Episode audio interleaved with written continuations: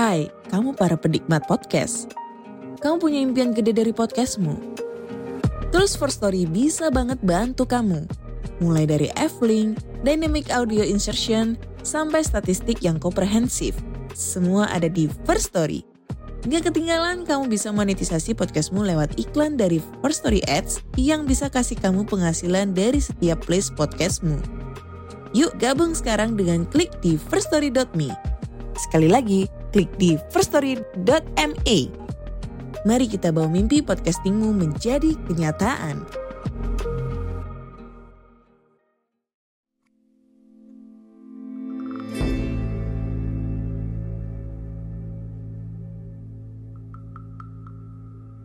Assalamualaikum warahmatullahi wabarakatuh. Apa kabar nih teman-teman? Pada kesempatan kali ini aku akan menceritakan pengalaman horor dari pendaki Gunung Ciremai. Kisah ini dialami oleh Ari ketika melakukan pendakian ke gunung tersebut pada tahun 2019 lalu. Jadi, waktu itu si Ari ini mengalami sebuah kejadian yang horor banget. Sampai-sampai itu membuatnya kapok kalau harus mendaki ke Gunung Ciremai lagi. Di pendakiannya itu dia sempat bertemu dengan sosok. Entah itu sosok atau bukan. Tapi yang jelas, sosoknya ini sangat mirip dengan manusia. Tapi gerak-geriknya sangat aneh, seperti bukan manusia. Dan sosoknya ini terlihat sedang menggendong bayi. Entah itu bayi mau diapakan oleh sosok atau orang itu.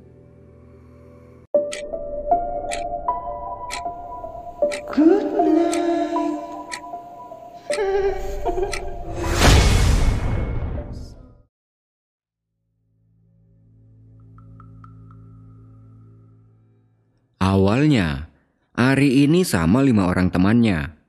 Mereka berencana untuk mendaki ke Gunung Ciremai. Sebenarnya sudah sangat lama mereka berenam ingin naik ke Gunung Ciremai, tapi baru kesampaian sekarang ini. Waktu itu kalau tidak salah hari Senin, mereka berenam berkumpul di rumahnya Ari untuk mempersiapkan peralatan yang akan dibawa ke Gunung Ciremai. Mengingat gunung ini memiliki ketinggian lebih dari 3000 meter, jadi mereka benar-benar menyiapkan peralatan lengkap. Sebelumnya mereka sudah pernah sih mendaki gunung, tapi gunungnya itu terbilang gunung yang enteng-enteng di bawah ketinggian 3000 meter. Sambil menyiapkan peralatan itu, mereka juga berunding akan naik via jalur mana. Dan salah satu temannya Ari yang bernama Obed memberi saran kalau mendakinya ini via Apui aja. Karena menurut Obed, via Apui itu lebih dekat dari tempat tinggal mereka yang berada di daerah Bandung.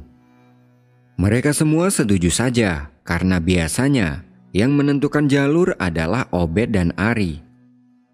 Setelah semua persiapan sudah dirasa lengkap, mereka bubar dan besoknya mereka berkumpul lagi di rumahnya Ari untuk berangkat bareng-bareng dari sana.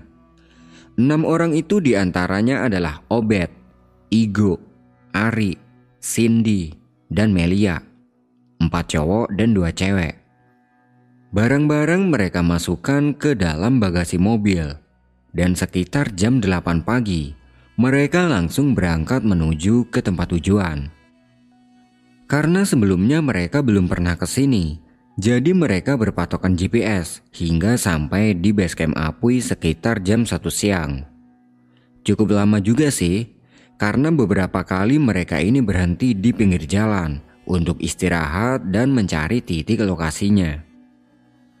Mobil diparkir dan mereka datang ke pos untuk meminta izin. Setelah izin diberikan, mereka istirahat dulu sambil ngobrol-ngobrol dan mengecek ulang perlengkapan. Setelah semua sudah dirasa siap, pendakian dimulai sekitar jam 3 sore. Sebelum mulai melangkah seperti biasa mereka berdiri melingkar dan berdoa. Setelah itu, Perjalanan dimulai melewati ladang warga dengan kondisi jalur yang masih cukup landai. Singkat cerita, sampailah mereka di pos pertama. Karena hari sudah sore di situ mereka berhenti dulu dan berunding untuk bermalam di mana. Udah jalan dulu aja, masih jam 4 juga. Ntar camp di pos 2 atau di pos 3 aja. Jauh nggak Bet ke pos 2-nya? Kayaknya sih enggak. Kemarin aku lihat di internet. Yaudah yuk, kalau gitu lanjut jalan lagi. Mereka berdiri dan melanjutkan perjalanan. Karena jalurnya masih terbilang enak, mereka berjalan dengan posisi seperti awal hingga di pos selanjutnya sekitar jam setengah lima sore. Di sini mereka berhenti sebentar untuk mengatur nafas. Dan karena hari masih terang, mereka memutuskan untuk lanjut jalan lagi hingga sampai di pos 3. Karena setelah pos 2 ini jalurnya sudah terlihat menanjak dan rimbun, mereka mengatur formasi. Obed berjalan di paling depan dan Ari di paling belakang. Sementara dua cewek berjalan di barisan tengah. Di tengah perjalanan menuju ke pos 3 ini, mereka sedikit mendapat kendala karena kakinya Cindy tiba-tiba terkilir dan mengharuskan mereka berhenti cukup lama untuk menunggu kakinya Cindy membaik. Sin, masih kuat nggak kalau lanjut sampai pos 3? Masih jauh nggak ke pos 3? Kayaknya sih enggak. Ini kita udah jalan lama banget soalnya. Apa kita camp di sini aja? Jangan, tempatnya nggak bagus. Ntar malah kita yang kesusahan. Emang lu masih bisa jalan? Bisa kok, tenang aja. Kita jalan sampai pos 3, baru ngecamp. Matahari mulai surup. Cindy berusaha berdiri semua penerangan disiapkan dan mereka melanjutkan perjalanan. Formasi berjalan mereka tidak seperti tadi. Cindy yang jalannya masih pincang dia minta untuk jalan di paling depan, dibantu oleh Igo dan Melia. Sedangkan Obed berjalan di paling belakang bersama Ari. Dalam perjalanan, terdengar dari belakang Obed memanggil Ari. Ri, Ari, Spontan Ari nengok ke arah Obed. Ada apa, Bet? Apaan? Lah, lu tadi manggil gua. Siapa yang manggil? Gua kagak manggil. Ari merasa bingung, tapi dia tidak begitu memikirkan soal itu. Karena mungkin tadi dia ini hanya salah dengar. Lalu... Ri, Ari, berhenti dulu. Suara Obed terdengar lagi dan sangat jelas. Ari nengok lagi ke arah Obed. Apaan? Apaan sih lu? Kagak jelas banget.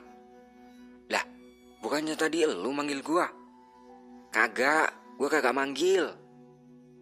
Ari semakin bingung dan kali ini menurut Ari bukan salah dengar. Ini Obed lagi ngerjain gua atau gimana sih? Pikir Ari. Karena jalan mereka waktu itu sangat lambat, Ari merasa sedikit kesal karena itu membuatnya menjadi capek. Bet, sebat dulu yuk, biarin yang lain duluan. Ayo, kebetulan udah sepet banget nih mulut. Ari teriak ke teman-temannya kalau dia akan berhenti dulu untuk sebat dan yang lain tetap jalan pelan-pelan. Ari dan Obed kemudian duduk di sebidang tanah datar dan mengeluarkan sebatang rokok masing-masing. Ketika sedang ngobrol sambil menikmati rokok, samar-samar Ari melihat ada orang yang sedang jalan dari bawah.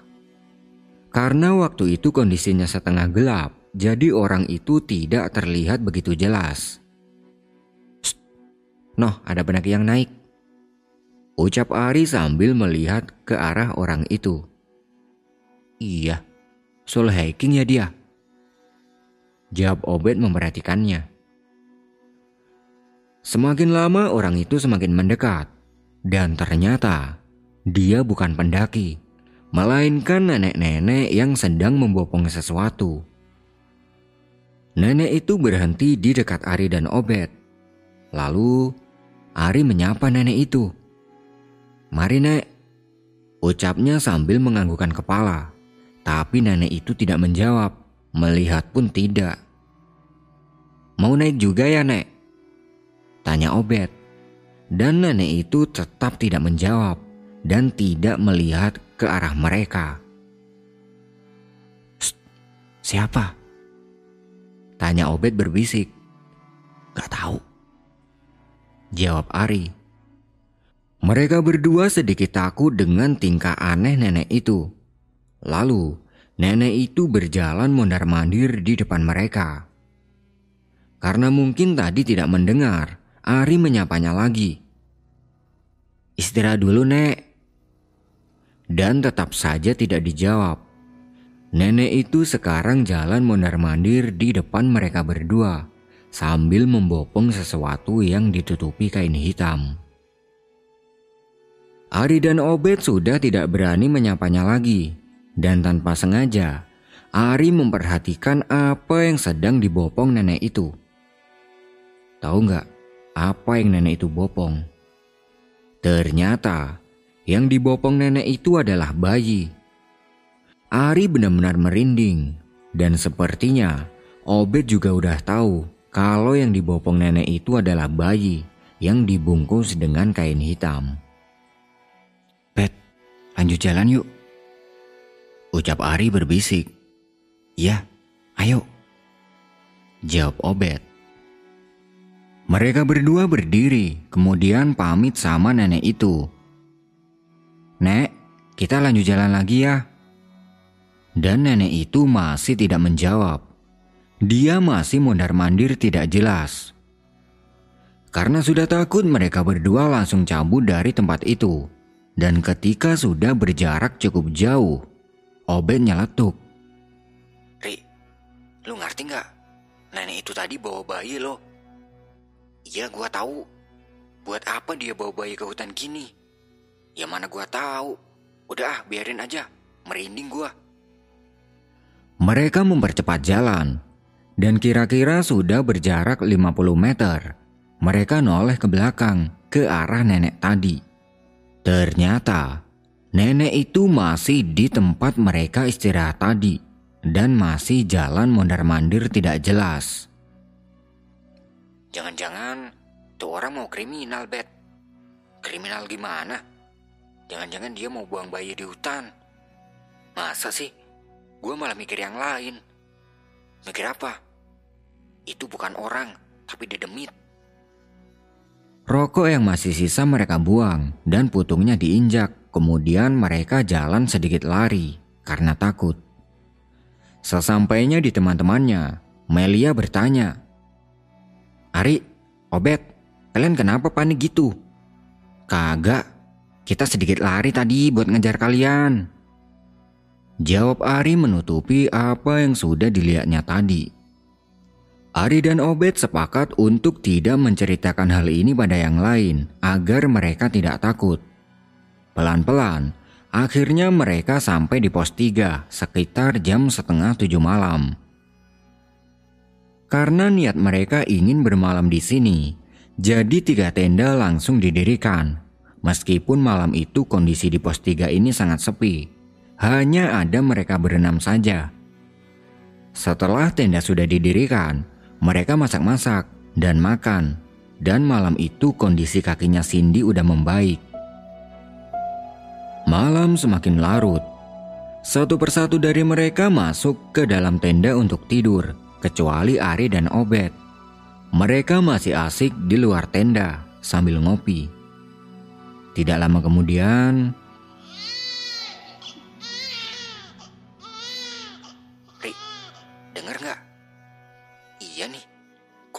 bayi nangis ya? Merinding gua, Ri. Masuk tenda aja yuk. Ya udah, ayo. Mereka berdua masuk ke tenda yang berbeda. Karena waktu itu mereka hanya membawa tiga tenda yang berkapasitas dua orang. Tenda pertama ditempati oleh Cindy dan Melia. Tenda kedua ditempati Igo dan Obed. Sedangkan di tenda ketiga ditempati oleh Ari dan Arif. Di dalam tenda, Ari masih mendengar suara tangisan bayi itu yang semakin lama terdengar semakin dekat. Di sini Ari berpikir, apa mungkin ini bayi yang digendong nenek tadi? Tapi ya udahlah, Karena takut dia berusaha tidur dan tidak mendengarkan suara itu. Suara bayi itu terbawa ke dalam mimpi. Di dalam mimpinya, Ari masih berada di pos 3, tapi tidak dengan teman-temannya. Dia berjalan meninggalkan pos 3 untuk mengikuti suara bayi itu hingga masuk ke dalam hutan yang sangat lebat. Cuaca sangat berkabut dan udara dingin tidak dia rasakan. Ari berjalan ke sebuah pohon karena menurut Ari, suara tangisan bayi itu bersumber dari sana. Tapi, sesampai di pohon itu tiba-tiba suara tangisan bayi berpindah ke arah pohon yang berbeda. Ari berjalan lagi mengikuti suara tangisan itu, dan suara itu berpindah lagi ke pohon yang berbeda. Ari masih tetap berjalan mengikuti suara tangisan itu. Ini udah pohon yang kelima yang dia datangi.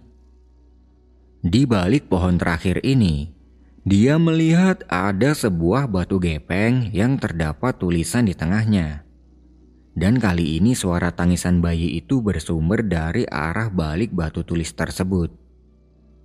Tidak ada rasa takut sama sekali. Ari berjalan menuju ke batu itu dan dia dikagetkan oleh pemandangan yang sangat menyeramkan. Di balik batu tulis itu, ada seorang nenek-nenek yang mengenakan baju hitam lusuh yang sedang mengelus-elus kepala bayi di pangkuannya. Di antara nenek ini ada dua ekor harimau yang sedang tidur lelap. Melihat keberadaan dua ekor harimau itu, Ari kaget dan dia udah mau lari dari tempat ini. Tapi sebelum lari, nenek yang tadi memangku bayi itu tiba-tiba menoleh ke arah Ari sambil menyeringai. Wajah nenek itu sangat menyeramkan, hitam, dan keriput. Tanpa berpikir panjang, Ari langsung berlari meninggalkan tempat itu. Dan baru saja beberapa meter dia berlari, dia bangun dengan nafas yang sangat berat Astagfirullahaladzim. Mimpi apa gua tadi? Batinnya. Masih dengan nafas berat, dia duduk dan minum beberapa teguk air. Setelah itu dia melihat jam yang sudah menunjukkan jam 4 subuh. Ari langsung membangunkan Arif dan dilanjut membangunkan teman-teman lainnya untuk bersiap-siap melanjutkan perjalanan naik. Setelah semuanya sudah bangun, mereka membuat minuman hangat sambil mengemasi barang masing-masing. Setelah beres, mereka kembali melanjutkan perjalanan. Dan singkat cerita, sampailah mereka di pos 4 sekitar jam 6 pagi. Di pos 4 itu, mereka istirahat cukup lama, sekalian masak makanan untuk sarapan. Sampai di sini Ari masih kepikiran tentang mimpinya semalam. Dan kalau diingat-ingat, Nenek yang tadi ada di mimpinya itu mirip banget sama nenek-nenek yang dia temui di jalur kemarin. Ari merahasiakan ini pada teman-temannya. Setelah selesai sarapan, mereka santai-santai sebentar. Kemudian perjalanan dilanjutkan menuju ke pos selanjutnya. Mereka berjalan dengan posisi awal. Obed di paling depan dan Ari di paling belakang. Pos demi pos mereka lewati dan tanpa ada kendala apa pun. Kondisi kakinya Cindy pun sudah pulih. Dan singkat cerita, sampailah mereka di pos terakhir, yaitu pos Gua Walet. Mereka sampai di situ sekitar jam 11 siang. Di sini mereka berunding, mau ke puncak siang ini apa nunggu besok. Nah, mengetahui kalau jarak dari Gua Walet menuju ke puncak ini tidak terlalu jauh, Obed memberi saran agar naik ke puncak siang ini aja, biar bisa menikmati pemandangan sunset di puncak Gunung Ciremai. Dan kalau mau melihat sunrise, besok bisa naik lagi. Oke lah, mereka semua setuju. Kemudian tiga tenda didirikan di pos itu. Setelah selesai didirikan, mereka santai-santai sebentar untuk mengumpulkan tenaga sebelum naik ke puncak. Tepat jam 12 siang mereka berenam lanjut berjalan ke puncak dan meninggalkan tendanya di pos itu. Ternyata Perjalanan menuju ke puncak tidak semudah yang mereka bayangkan. Jalan yang sangat menanjak dan cukup licin oleh pasir membuat mereka kesusahan untuk berjalan. Tapi dengan susah payah, akhirnya mereka sampai di puncak Ciremai tanpa ada kendala apa pun. Di puncak terdapat beberapa pendaki yang sedang asyik berdokumentasi, dan mereka juga tidak mau melewatkannya. Mereka berfoto-foto dan niat mereka untuk menikmati sunset itu batal karena waktu itu kondisi di puncak cukup panas. Akhirnya, terpaksa mereka kembali turun, dan kalau besok masih kuat, mereka berniat akan naik lagi. Tapi sesampai di tempat camp, niat mereka untuk naik lagi besok itu pun batal karena mengingat jalan menuju ke puncak tadi cukup berat. Akhirnya nggak apa-apa lah, Meskipun tidak bisa menikmati sunrise di puncak Ciremai, yang penting mereka berenam sudah menginjakan kakinya di puncak itu. Sore itu mereka menghabiskan logistik yang masih tersisa dan menyisakan sedikit untuk sarapan besok. Terlihat beberapa pendaki lain juga melakukan kegiatan yang sama. Malam harinya, ketika yang lain ini sudah pada tidur, Ari sedikit bercerita ke Obet tentang nenek yang menggendong bayi dan mimpinya itu. Dari awal gue udah mikir kalau nenek itu mungkin bukan orang. Sama Bet, tapi aku masih gak habis pikir. Kok bisa-bisanya aku mimpi ketemu nenek itu? Mungkin sebelum tidur elunya masih mikirin kejadian itu, makanya sampai ke bawah mimpi. Tapi suara tangisan bayi yang kedengeran sebelum gua tidur itu dari mana? Tahu ah, Pusing gue kalau mikirin yang gaib-gaib gitu. Mending udah lupain aja dan jangan lupa doa. Mereka nongkrong di depan tenda sampai larut malam dan sesekali bertegur sapa dengan pendaki lain yang sedang camp di sebelah mereka. Karena malam sudah larut, mereka berdua masuk ke tenda buat tidur. Dan malam ini, Ari tidurnya satu tenda dengan Obet. Sebelum tidur, Ari melantunkan doa Semoga mimpi yang semalam tidak berkelanjutan. Dan syukurlah, malam itu mereka tidur dengan nyenyak hingga sampai pagi. Pagi harinya Igo bercandain teman-temannya. Gimana? Mau ke puncak lagi nggak? Gua sih ogah. Kalau ada yang mau ke puncak silakan. Gua tunggu di tenda. Tuh yang cewek-cewek. Katanya kemarin mau naik buat nyari sunrise. Mereka yang cewek juga tidak mau karena sudah tahu jalan ke puncak itu cukup berat. Pagi itu, setelah sarapan mereka berkemas, kemudian kembali berjalan turun. Di sepanjang perjalanan turun, mereka tidak ada kendala apa pun. Dan perjalanan turun hanya mereka tempuh sekitar 4-6 jam saja, hingga sampai kembali di base camp. Sesampai di base camp, mereka bersih-bersih badan dan ganti pakaian, kemudian lanjut berkendara pulang ke Bandung. Pendakian ke Gunung Ciremai ini membuat Ari trauma dengan kejadian horor yang sudah dia alami waktu itu. Lain kali, kalau ada yang mengajak dia ke Gunung Ciremai lagi, dia akan mikir seribu kali lagi. Nah, itu tadi adalah pengalaman horor yang dialami oleh Ari dan teman-temannya ketika dia melakukan pendakian ke Gunung Ciremai via jalur Apuy. Serem juga nih ceritanya. Ya udahlah, aku pamit undur diri dulu ya. Good night and see you next time.